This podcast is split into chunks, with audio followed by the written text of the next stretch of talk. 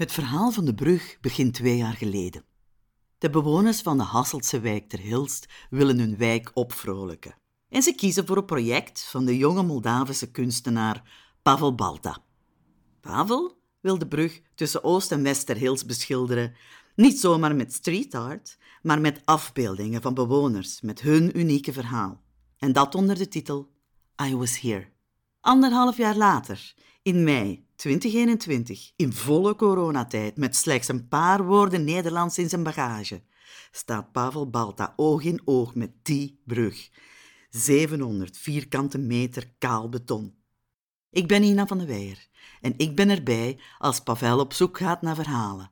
Verhalen van mensen in en om Ter Hilst die over hun leven en passies willen getuigen. I was here. Het concept is eenvoudig. Wij ontmoeten mensen in Ter Hilst met de vraag: jouw verhaal in ruil voor een portret en jouw plek op de brug. De brug. In de eerste aflevering van De Brug zijn we in het wijkcentrum De Magneet, in de Brigantstraat in Ter Hilst. In De Magneet is ook het jongerenlokaal van Arctos. Het is een in en uit van mensen en daar ontmoeten wij Evi, Andreas en Floris. Evi begeleidt de kleuterwerking. Ze is een voorbeeld van hoe je kinderen en ouders samen een taal leert spreken. Haar methode is moedertaal. Maar meer nog, iedereen, iedereen in de wijk kent Evi als de burgemeester van Ter Hilst. De brug. Jij, jij heet hier de burgemeester? Ik Ja, zo noemen ze mij, ja. Mij vragen, noemen ze hier de burgemeester van de wijk. Ja, alle ouders zeggen dat je tegen mij, oh, je is de burgemeester. Terwijl dat eigenlijk, ja, niet is, maar zo noemen ze me wel. Ik woon hier nu, in januari is mijn achtste jaar.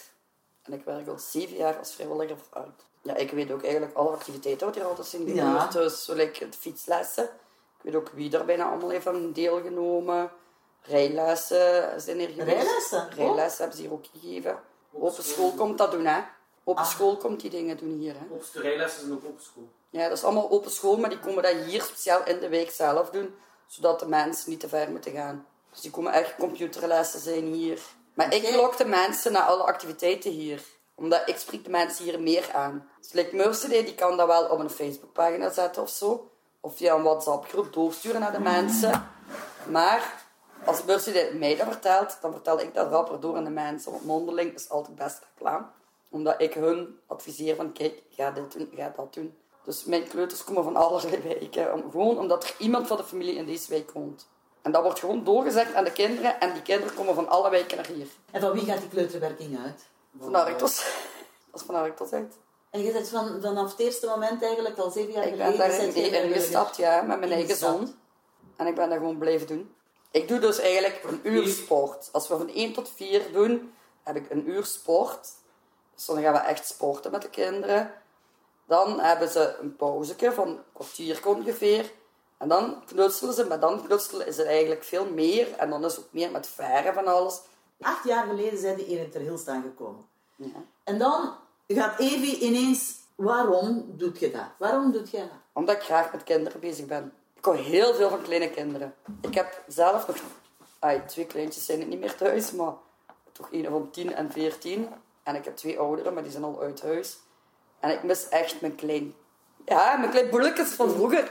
Ik mis dat. En nu met die kleuters ook. Ik weet ook iedere baby die hier wordt geboren. Dat weet ik. Dus ik weet, ah, na drie jaar zie ik hier ook allemaal bij mij komen. Dat is gewoon mijn hobby geworden. Met kinderen bezig zijn.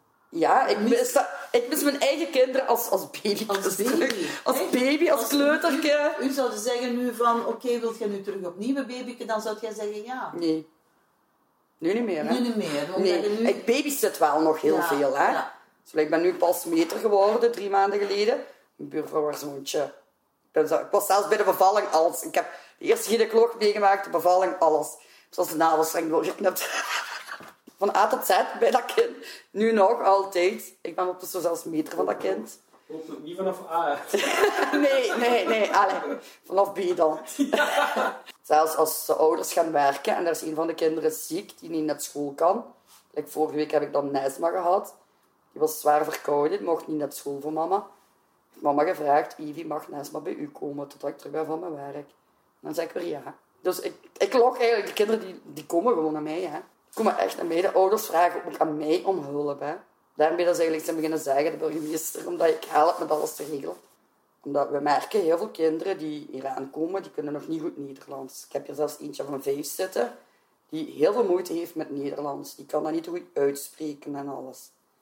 Ik raad altijd de ouders aan, praat zoveel mogelijk Nederlands bij uw kinderen. Maar er zijn ook heel veel ouders die zeggen van, door die gewoon één keer per week naar u te laten komen, merk ik aan mijn kind dat hij vooruitgang maakt in die Nederlandse taal. Omdat ik heel streng ben, er wordt geen andere taal gesproken als Nederland. En ik laat ze ook heel veel woorden herhalen. Wat zou jij willen dat mensen over u zeggen? Ja, vooral dat ze me vooral heel veel gaan missen, omwille van dat ik altijd met hun kinderen ben bezig geweest. Hè. Dat ik hun kinderen eigenlijk voor een deel help opvoeden eigenlijk. Hè. Dat is een deel opvoeding wat ik eigenlijk doe. Hè. Dus eigenlijk zo van dat de kinderen rond je graf staan en zeggen zo van... Evie, dat ik." was, dat was mijn tweede Ja. mama. Ja, Of als je nu een droom hebt voor Ter Hilst, voor de kinderen van Ter Hilst, want dat zijn de kinderen voor later. Hè. Die, Ja. Dat zijn de kinderen die straks op die brug staan en later zeggen die, als die nog eens terugkomen of kijken, dan zien ze u op de brug staan en zeggen ze, dat is Evie. En dan zeggen ze ook, dat was ik. Is er iets wat dat jij zou zeggen, dat, is- dat is mijn grote droom, dat zou ik nog willen realiseren, op mijn naam. Hè. ja, ik ben sowieso wel content met wat ik bereikt heb, maar ik ben wel zo vooral van... Ik zie niet graag de kinderen over straat lopen. Ik ben daar heel kreun. Ik ga zelf met mijn zoon, nee, hij bijna tien jaar, ik breng die nog persoonlijk naar het Grootplein. Ik wil niet dat hij de straat alleen overloopt. Dus ik wil niet dat kinderen alleen gaan. Ik wil dat de ouders meer met de kinderen naar het speeltuintje gaan of zo. Ik wil de ouders meer betrekken in het spelen van hun kinderen. Dat ze daar eigenlijk spelletjes kunnen doen. Dat, is, dat is niet alleen een klimrek, een zandbak. Nee, je kunt daar met je kinderen eigenlijk een heel groot spel spelen als je wilt. Met alle kinderen samen, met de ouders en alles. Dat, dat is iets, ja, belangrijk dat dat zoiets gaat komen. Want ik wil de ouders meer uit hun tent lokken, dat die meer met de kinderen samen buiten komen. Toen ik hier begon, heeft Evie mij gewoon helemaal niet op sleeptouw genomen. En Ja, ik heb de week leren kennen, hè.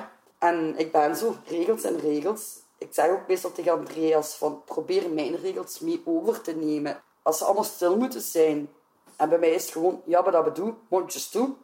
Heel simpel. En die kennen dat. Die ken, nu, de meeste kennen zelfs mijn regels allemaal van buiten, van 1 tot en met 10. Eh, ze mogen niet achter de toog komen. Ze moeten een hand opsteken als ze iets willen vragen. Ze moeten stil zijn als de juffrouw praat. Eh, samen delen, samen spelen. Eh, niet met scharen rondlopen. Gevaarlijk. Anders hebben ze wat? scharen. Schaartjes rondlopen. Ja, anders hebben ze bloed en dan moeten ze naar het ziekenhuis. Dat zijn allemaal zo... We maken dat soms een beetje erger dan dat het is. Hè? Ja, ja, ja. ja Sommige dat regels. hè. Dat, dat plastisch is dat. Ja, ja, dat ze weten van... Oh nee, dat is gevaarlijk.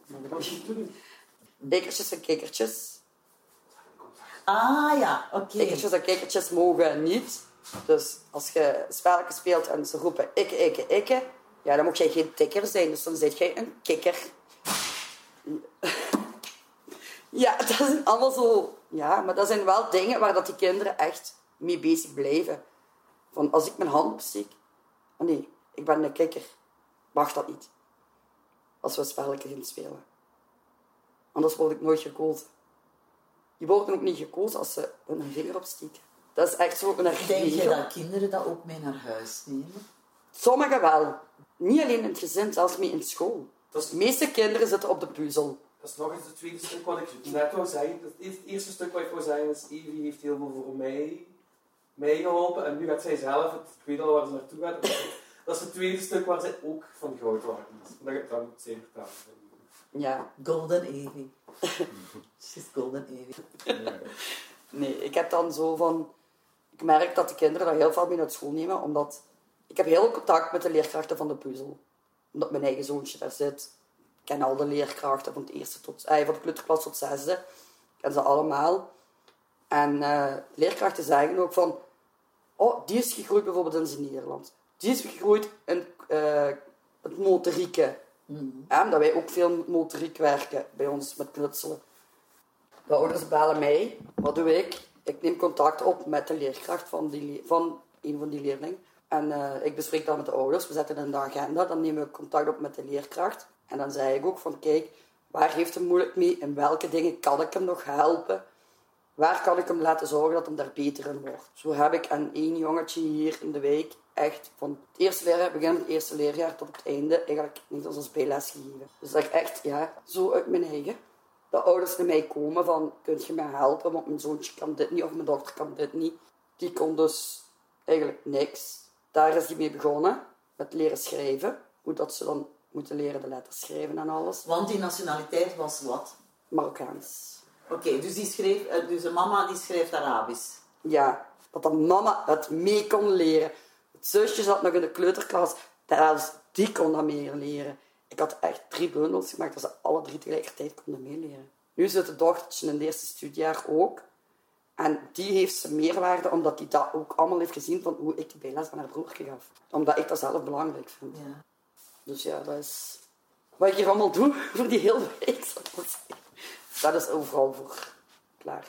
Er is ook zo één woord wat Evie ook niet echt zo goed kent. Zo. Wat ze zo soms moet zeggen, maar dat kent ze. Ze kan dat moeilijk uitspreken. Nee. Ik vind dat mijn flesje erin te gooien. Hè. Stel, hij maakt een tekening van u. Hoe zou jij op die brug willen staan Als een vrolijke, U sterke laten- vrouw. als een vrolijke, sterke vrouw? Met, zonder kinderen, met veel kinderen, met... Oh, van mij mogen alle kinderen van de wijk op straat. Ik vind dat niet erg. Ik ken ze toch allemaal. Ik ken de meeste zelfs van baby af, dus... Vanaf dat ik er ben komen wonen, heb ik de eerste kinderen leren kennen. En sindsdien heb ik alle baby's gekend. Dus ik heb nu eigenlijk iedereen dan zien opgroeien.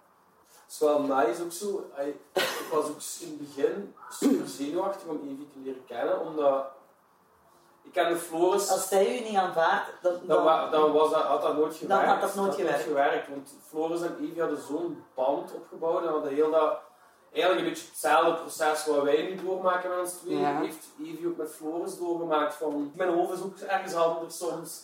En ja, dat, ik merk heel hard dat wij op dezelfde manier op weg zijn. We zijn er nog niet, maar we zijn op Nee, maar ja, overal moet gaan werken. Hè. Ja, De dag dat, dat ik van Arthurs te krijgen, te horen krijg, Evie, jij mag terug van 1 tot 4, met al uw kleuters. Ik spring een gat in de lucht. Ik spring een gat in de lucht. Echt waar. Daar ben ik echt op aan het wachten. Waar haalt je die energie? Ik weet het niet. Ik, ik heb veel energie, maar als ik u zie, dan... Wat, wat maakt u dan blij s'avonds? Dat ik de kinderen van de straat heb gehouden. Daar ben ik heel dankbaar voor. Dat ik dat niet graag heb, dat ik kinderen over de straat ga. En als ik s'avonds thuis kom, dan ben ik dankbaar dat mijn eten klaar staat. ja, en de liefde die ik van mijn eigen kinderen en van mijn man zelf ook terugkrijg. Als ik s'avonds thuis kom, het eerste wat Ruben gaat doen, die, is bij, die komt bij mij aan de zetel zitten. En die begint met mij te knuffelen. Die van 14, die heeft vorige week voor de eerste keer nog eens met mij geknuffeld. Ja. De liefde die ik van mijn kinderen kreeg. Die van 14, die is de zondag bij mij op de zetel bij mij komen liggen. Die heeft echt op mij gelegen, op mijn benen gelegen, voor te zeggen van mama, kijk, ik hou van u. Ja. Kunnen we dat niet aangeven bij de paus voor heiligverklaring of zo? Zaligverklaring. Evie, moeder Evie. Dat is moeder Teresa van de wijk. De kinderen van straatrapen. Weet je, het is hier allemaal redelijk druk op die weg. Hier rijden ze redelijk hard. Ook al zijn die drempels er nu van, je mag maar 30 rijden en alles. Maar ze rijden hier nog even goed hard. Als uw huis in brand staat, maar de kinderen zijn er niet in, en de honden, huisdieren en kinderen zijn niet in. Wat is het eerste wat jij uit dat huis gaat halen? Eh, ja, ik heb zelf een brand gehad, dus ik had wel een kinderen in huis. Maar het eerste wat ik sowieso zou pakken is altijd mijn mobiel. Waarom? Omwille van dat ik iemand moet kunnen bereiken voor te zeggen van, ik moet ergens terecht kunnen. Ja, en Ja. ook voor gewoon dat te laten weten aan mijn familie en zo. Hè. Dat is uw hulplijn. Ja, Terwijl jij altijd hulp bent voor iemand anders, is dat uw hulplijn. ja. Als ik iets niet weet, zal ik ook grappig naar mijn eigen zus stappen. Ik ga altijd naar mijn eigen zus. Jij zet voor ons dus de brugfiguur, de zoals Andreas ook, de speelfiguur in de wijk. De brug. Floris was jarenlang jeugdwerker bij Arctos in Terilst. Zijn motto: we doen het samen of we doen het niet.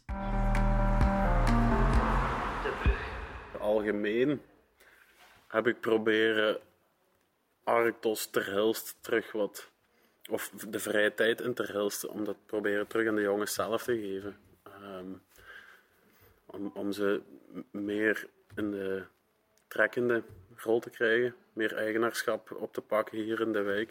Ik had vrij rap het gevoel dat ze in een positie zaten als, of dat ze zich gedroegen hier als klanten.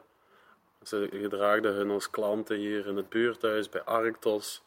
Eh, hadden altijd complimenten over alles en commentaar. En dat is, dat is heel fel geswitcht toen ik heb gezegd, jongens, eh, ik trek me ook terug als jullie niks doen. Ehm, ofwel doen we het samen, ofwel doen we niks. En dan is het een tijdje ook wel stil geweest. De- Je begint dan onderling te babbelen. En dan een, een, mooi resultaat ervan geweest is dat we in het weekend een jaar zijn open geweest. Of een half jaar. Half jaar, een jaar. Ehm, en dat ik ze dan op vrijdag de sleutel gaf. En op maandag dat ik, ze, dat ik hem terug kreeg. Zo, eh. En dat was een feest geweest. En dat was voor hun, dat, dat, dat vonden zij gek. Hè? Er was niks mogelijk als wij niet met de sleutel afkwamen. En de PlayStation en zo moest altijd uit het lokaal. En alles werd eigenlijk altijd meegepakt. Uit schrik dat er ingebroken zou worden hier. En op een gegeven moment wisten zij dat. Ja, we zijn bij onszelf aan het inbreken. Wat gaan we bij ons eigen inbreken? De sleutel is van ons. Die jongens stonden achter de toog. Ik stond niet meer achter de toog. En eh, dat was helemaal veranderd. En ze zijn eigenlijk nooit meer. Ene keer. Ene keer hadden ze het lokaal open gedaan langs binnen zonder dat ik het. Dus ik weg. En dan hadden ze een nacht eh, daar kunnen zitten, maar er was eigenlijk niks weg. Eh, dus dat was een, een zo wat kattenkwaad. Dat was wel een geluk bij een ongeluk. Ik zag dan dat ze binnen geweest waren, maar dat er dan niks weg is.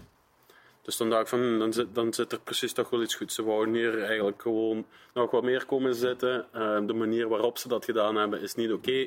maar eh, de verbinding met de plek is er dan wel, want, want er is niks weg. En ze hadden daar ook voor 1000 euro buiten kunnen mee naar huis nemen, om het zo te zeggen.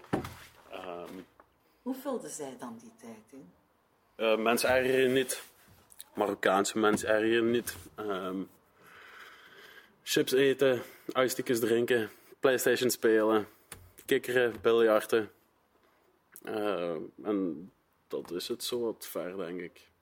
Eh, we deden om de zoveel weken deden we een vergadering met de kerngroep, waar we wat zaken op probeerden vast te pakken. Zoals een, een- we hebben eens een voetbaltoernooi georganiseerd om geld te verdienen en van die zaakjes. Maar meestal als het hier was, dat was gewoon na de voetbal kwamen ze naar hier, na de zaalvoetbal en dan eh, eh, uitbollen. De laatste uren van de dag hier in het lokaal samen zijn. Iets eten, iets drinken. Zij doen dat nu nog. Nee, nee hier, niet meer. Hè. Nee, maar ze doen toch nog altijd zaalvoetbal en zo. Ja, ja, ja, want klopt, klopt. Die mannen doen dat nog. Hè. Dus eerst gingen we op woensdag. Dat was niet meer genoeg. Eh, dus eh, elke woensdag gingen we zaalvoetballen. Dat was niet meer genoeg. Ehm, dan hebben we de zondag bijgeregeld. Eh, dat was ongeveer tegelijk met dat ze hier op zondag zijn beginnen open doen zelf. Dus dan gingen ze op zondag ook eerst voetballen. Dan deden ze het lokaal open. En dan de eerste, de eerste twee maanden dan kwam ik zo eens een uur kijken. Hè. Dan zei ik niet wanneer ik kwam. Dan kwam ik gewoon eens binnen hier. En dan ging ik ook weer weg een uur later. Op een gegeven moment heb ik gezegd, jongens, eh, die zondag, ik heb daar ook niks meer te, mee te maken. Ehm, dit is de nummer van de sportdienst, dit is de nummer van de sporthal. Regel het maar. En dan hebben ze de zondag zelf overgenomen. En dan twee jaar geleden, toen Andreas is begonnen, heb ik eigenlijk hetzelfde gezegd over, over de woensdag. Dat ze, dat ze dat ook maar zelf moesten doen. De jongens zijn oud genoeg zo. Hè? Eh, ze waren oud genoeg. Ehm, het was heel duidelijk dat ze dat zelf konden. Maar er zat zo nog wel een, een soort gemak. Hè? Arctos deed dat al vijf jaar, wat zeg ik, vijf jaar, misschien al tien jaar. Dat we samen gingen voetballen met de jongens. Maar die mannen waren ondertussen allemaal 30 jaar en dan, dan houdt het ver op. Hè? Wat was oud genoeg? Hoe oud waren ze toen op dat moment dat ze gingen zaalvoetballen? Vanaf eh, 15. Vanaf 15, eh, natuurlijk hangen, hingen ook wel een beetje van het niveau af van de jongens. Ehm, maar veel jongens van 15 die begonnen dan gewoon met de oudste jongens. Die voetballen gewoon mee met de mannen van 30. Zeker mannen, er zitten ook echt wel talentjes van 15, 16 jaar die, eh, die, eh, die mannen van 25, 30 alle hoeken van de zaal laten zien. Dus dan, eh, maar dat is wat inschatten. Maar dat doen de, eigenlijk de jongens helemaal zelf, eh, die inschatting maken. Eh, de jongens van 15, die, ze kennen goed genoeg wat het niveau hier is en van wie, wie hoe goed is en wie allemaal aanwezig was de, de woensdag in de zaal. En als zij het gevoel hadden van dat, dat is niet mijn match, dan kwamen ze ook niet. De jongens die daar waren, die, ja, daar heb ik eigenlijk heel weinig mee mee gemoeid. Ja. Kwamen de jongens ook naar u om over meisjes te praten of over hun problemen te praten of zo? Uh, over meisjes. Uh, oh, oh, oh. Nee, dat, is, veel gebeurd, maar de, dat, is, dat was niet met de insteek van nu ga ik met Floris over meisjes praten. Dat is eerder van die stomme praat. eh, ja, stomme mannen praten over meisjes en, en tieners die kunnen. Soms komt er gewoon echt stomme praat uit. Bedoel, werd je vertrouwenspersoon? Ja, ja, maar, maar ik heb met tieners en, en met jongens, met, met de mannetjes van 18 zo, heb ik veel over vrouwen gebabbeld. Maar dat zal dan eerder de klassieke Vlamingen geweest zijn. Zo, de, de, de Marokkanen en de, en de Turken hier. Dat, was, dat viel eigenlijk heel goed mee over, over madame praten. Maar waar praten ze dan wel over als u in vertrouwen namen? Goh, eh, eender wat. Waar de classic is, eh, waar zit je mee bezig? Op school, zit je op school? Wat doe je op het werk? Hoe gaat het? Ehm, waar krijg je goesting van in het leven? Wat doet je graag? Hoe laat jij je batterij op? Eh, het is een, een beetje van alles. Ik heb natuurlijk, eh, als het gaat over... Er zijn veel problemen tot bij mij gekomen. Maar dat is fijn, hè. Daarvoor ben, daarvoor ben ik er. ja, en je Mol geweest, en in Everberg geweest, en hier in de gevangenis geweest. En... Ja, ja, ik was voor veel jongens wel... eh, vanaf dat het, dat het even moeilijk liep, dan weten ze wel te vinden. En dat was hier ook wel... Want Arctos zat hier al jaren in de wijk. Dus ik heb mee... Ik was vrij rap ingewerkt. Ehm, ook jongens die ik nog nooit gezien had, ze wisten wel dat Arctos hier in de wijk was. Ook al kenden ze mij niet en ze wouden met een jongere werker babbelen. Soms kwamen er mensen naar me toe die ik eigenlijk niet echt bereikte zelf, maar omdat de naam Arctos wel jaren leeft in de wijk, kwamen ze om de een of andere reden toch wel tot, tot bij mij terecht. Youssef eh, is een van mijn eerste ja, mannen geweest waar je een klik mee had. Eh, ik had vrij rap door dat Youssef een heel intelli- intelligente kerel is. ehm, met ook veel aanzien in de wijk. Altijd in het middelpunt van alles wat hier stond te gebeuren op het pleintje. Of het nu op het pleintje was, of hier, of in de werking, of op de voetbal. Eh, ik had heel rap door dat, dat Youssef mijn belangrijkste sleutelfiguur zou zijn van de wijk. Ehm, ik denk dat het begonnen is met... Ze wouden een voetbalploeg opstarten. En ik moest dat regelen en dan heb ik gezegd, nee jongens, ik doe niks. Eh, kom vanaf dat je met vier bent, kom je maar af. Eh, en dan, dat was zo wat gelinkt aan, we willen meer uren ehm, in het lokaal hier. Ik zeg, er is maar één actor in de wijk die voor meer uren kan zorgen. En dat zijn jullie, dat ben, ben niet ik. En dus het ging dan over meer uren daar en zelf een voetbalploegje maken. En wat hadden we dan nodig voor een voetbalploegje te maken? Dat was geld. Dan hebben we een voetbal, voetbaltoernooi georganiseerd. En dat was zo wat, dat is eigenlijk heel rap gebeurd. Ik, ik was een, maand of drie bezig of zo, denk ik. Dan hebben we een heel dik toernooi georganiseerd. En dat was zo het eerste wat ik met de mannen echt samen heb gedaan. En dan is Youssef doorgestroomd naar, speel, naar vrijwilliger bij de kinderwerking en naar de tienerwerking. En had ik iets later echt de kerngroep van de jongerenwerking. En Youssef heeft daar altijd het midden gestaan. Zo. Youssef was mijn tolk. Eigenlijk sprak ik de jongens niet. Ik sprak iedereen aan als ik zelf iets zag wat niet door de beugel kon of, waar ik mijn gedag over wou zeggen. Maar Youssef had daar ook wel een heel groot aandeel in. Hij is verbaal heel sterk. Hè. Zeker, zeker, zeker in de wijksfeer hier. Die kunnen ze konden hier verbaal zo stevig op elkaar ingaan. En hij was gewoon de meest afgeslepen. En, en niemand pakte hem. Hij pakte iedereen verbaal hier in de wijk. Eh, en dat dat was heel handig. en op een gegeven moment zag ik dan die... Hè, eh, want er, eh, veel testosteron hier in de, in de zaalvoetbal. Af en toe werd dat eens spannend. En dan was hij die in de kleedkamer het gesprek aanging. Hè. Dan kwam ik daarna de kleedkamer in. Ik gaf vrij rap mijn intentie weer dat ik het daar even over wou hebben. Ehm, en ja, op een mum van tijd pakte hij dat over en dan kon ik eigenlijk wel gewoon terug buiten gaan. Zo. en dan, dan heb ik zoiets van, oké, laat, laat ze maar doen. Hè. Eh, De, de wijk heeft Arctos nodig. Kunt je er de vinger op leggen? Wat dan? Waarom Arctos zo belangrijk is voor die jongens hier? En meisjes. Ik zeg altijd hetzelfde, maar eh, van, van het vrijtijdsaanbod hier terug aan hun te geven. En, en eh, een goede vorming, zo erg geleerd, de jongens vissen in plaats van ze vis te geven. Zo.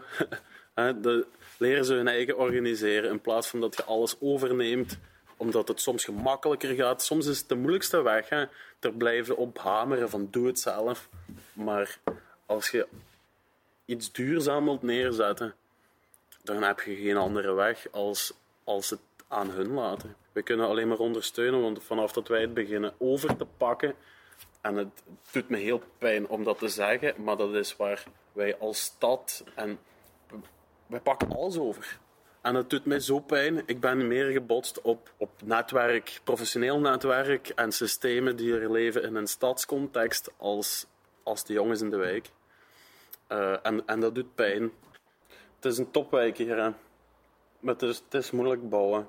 En dat is ook weer dan een fout van het systeem en het verloop hier in, in, de wijk. Hè. Je kunt niet bouwen in de wijk, want elke keer als de mensen zich financieel opgewerkt hebben, ze bollen het af en dan komen er nieuws. Ja, de, de, de sterkste vertrekken en de, de laagste komen opnieuw binnen. En, en het is moeilijk. Want ook weer dan, dan heb je zo juist kerngroep en zijt je een half jaar open en toen. En dan vertrekt gewoon drie vierde van je kerngroep en ze verhuizen en dan, dan kun je opnieuw beginnen. En dan moet je weer zoeken naar de juiste figuren en wat, dat is allemaal niet simpel. En, en dan zijn er tijden dat je de juiste figuren niet hebt en dat je je focus moet verlagen, gelijk je toen is dus met de tieners. Het gaat altijd in, ja, ja, ja, ja. altijd in golven. Daar zit jij dus het, het vierste op, op, nu, op dit moment, op je voetbalploeg. Ik weet niet waar ik het vierste op ben. Dat kan ik echt niet zeggen, ook niet. Maar ik kan er niks uithalen waar ik het vierste op ben. Ja, maar je Ik vond, ik vond nog wel zo, toen, eh, toen jij je afscheid, Ja, dat was ook een feest. Ja, dat is, daar mag ik ook wel vier op zijn. Daar dat was iets om fier op te zijn, denk ik ik. vertelt jij dat eens voor hem, want hij is daar te bescheiden voor. Ik, ehm, ja, ze hadden een verrassingsfeest georganiseerd. eh, op mijn laatste, een van mijn laatste dagen. Ehm Evi, Evi heb ik ook al ontmoet, uiteraard. Op Evi mag ik ook heel trots zijn. Oh, vier. Ehm dus Andreas heeft samen met Evi ehm, een verrassingsfeest voor mij georganiseerd in mijn laatste dagen. En hier was echt veel volk. Ik denk dat hier zeven- 70, 70, 80 man stond. Ik had Evi beloofd van een kebab te gaan eten nog voor ik vertrok. En dan, ja, zwart, zij zegt, dan gaan we kebab eten. Ja, heb ik weinig op in te brengen dan. dus hij ook mee. En eh, we kwamen terug. En toen zag ik dat een heel, een hele parking vol stond. En toen dacht ik, hmm, eh, en dat vind ik toch wel vreemd dat er een overleg is zonder dat ik dat weet. En, ja, en toen kwam Evie en die pakt me zo. Kent je mij nu nog niet? Kent je mij nu nog niet? En nu naar binnen. Ik zeg, oh nee, oh nee. ja, en toen weer één groot feest. Ja. Ik eh, heel veel cadeautjes gekregen. Ze hadden allemaal hapjes gemaakt. Ehm, en eh, daar, daar werd ik dan natuurlijk weer eh, super nederig van. Zo. Nederig en dankbaar. Eh, want ook weer daar. En er was dan een verrassingsfilmpje gemaakt met partners en jongeren en, en mensen van het kine en, en zo, ja, zoveel collega's. Ehm, maar wat ik, wat, waar ik dan zo weer van was, eh, dat ik altijd zomaar heb proberen eigenaarschap te geven aan. En in keer staat dan die hele zaal hier vol. Daar is ja, Andreas en Evi. Zo de, de, de mate van professionele krachten daarin was zo miniem en zo zie ik het zo graag. Hè. Dan was die hele zaal hier vol. Dat had hier geen enkele professional klaargekregen om die zaal hier zo vol te krijgen. Geen ene. Die, ja, je mocht hier al zo lang niet, hè. En in één staat die zaal hier vol. En dat was zo voor mij alsof, alsof dat mijn... eh, examenproef was. Zo. En ik had het niet eens door. Zo, zo de bekroning op, op hoe ik altijd ernaar gekeken heb. En dan staat het hier gewoon bomvol en heeft er eigenlijk niemand mee, geen professionele kracht iets mee te maken gehad. Zo. En dan denk je, oh ja, de, de wijk is toch zo sterk. In de volgende aflevering van De Brug praten we met Agnes. We vertellen ook waarom de boerenkrijg op de koepel van de brug afgebeeld staat.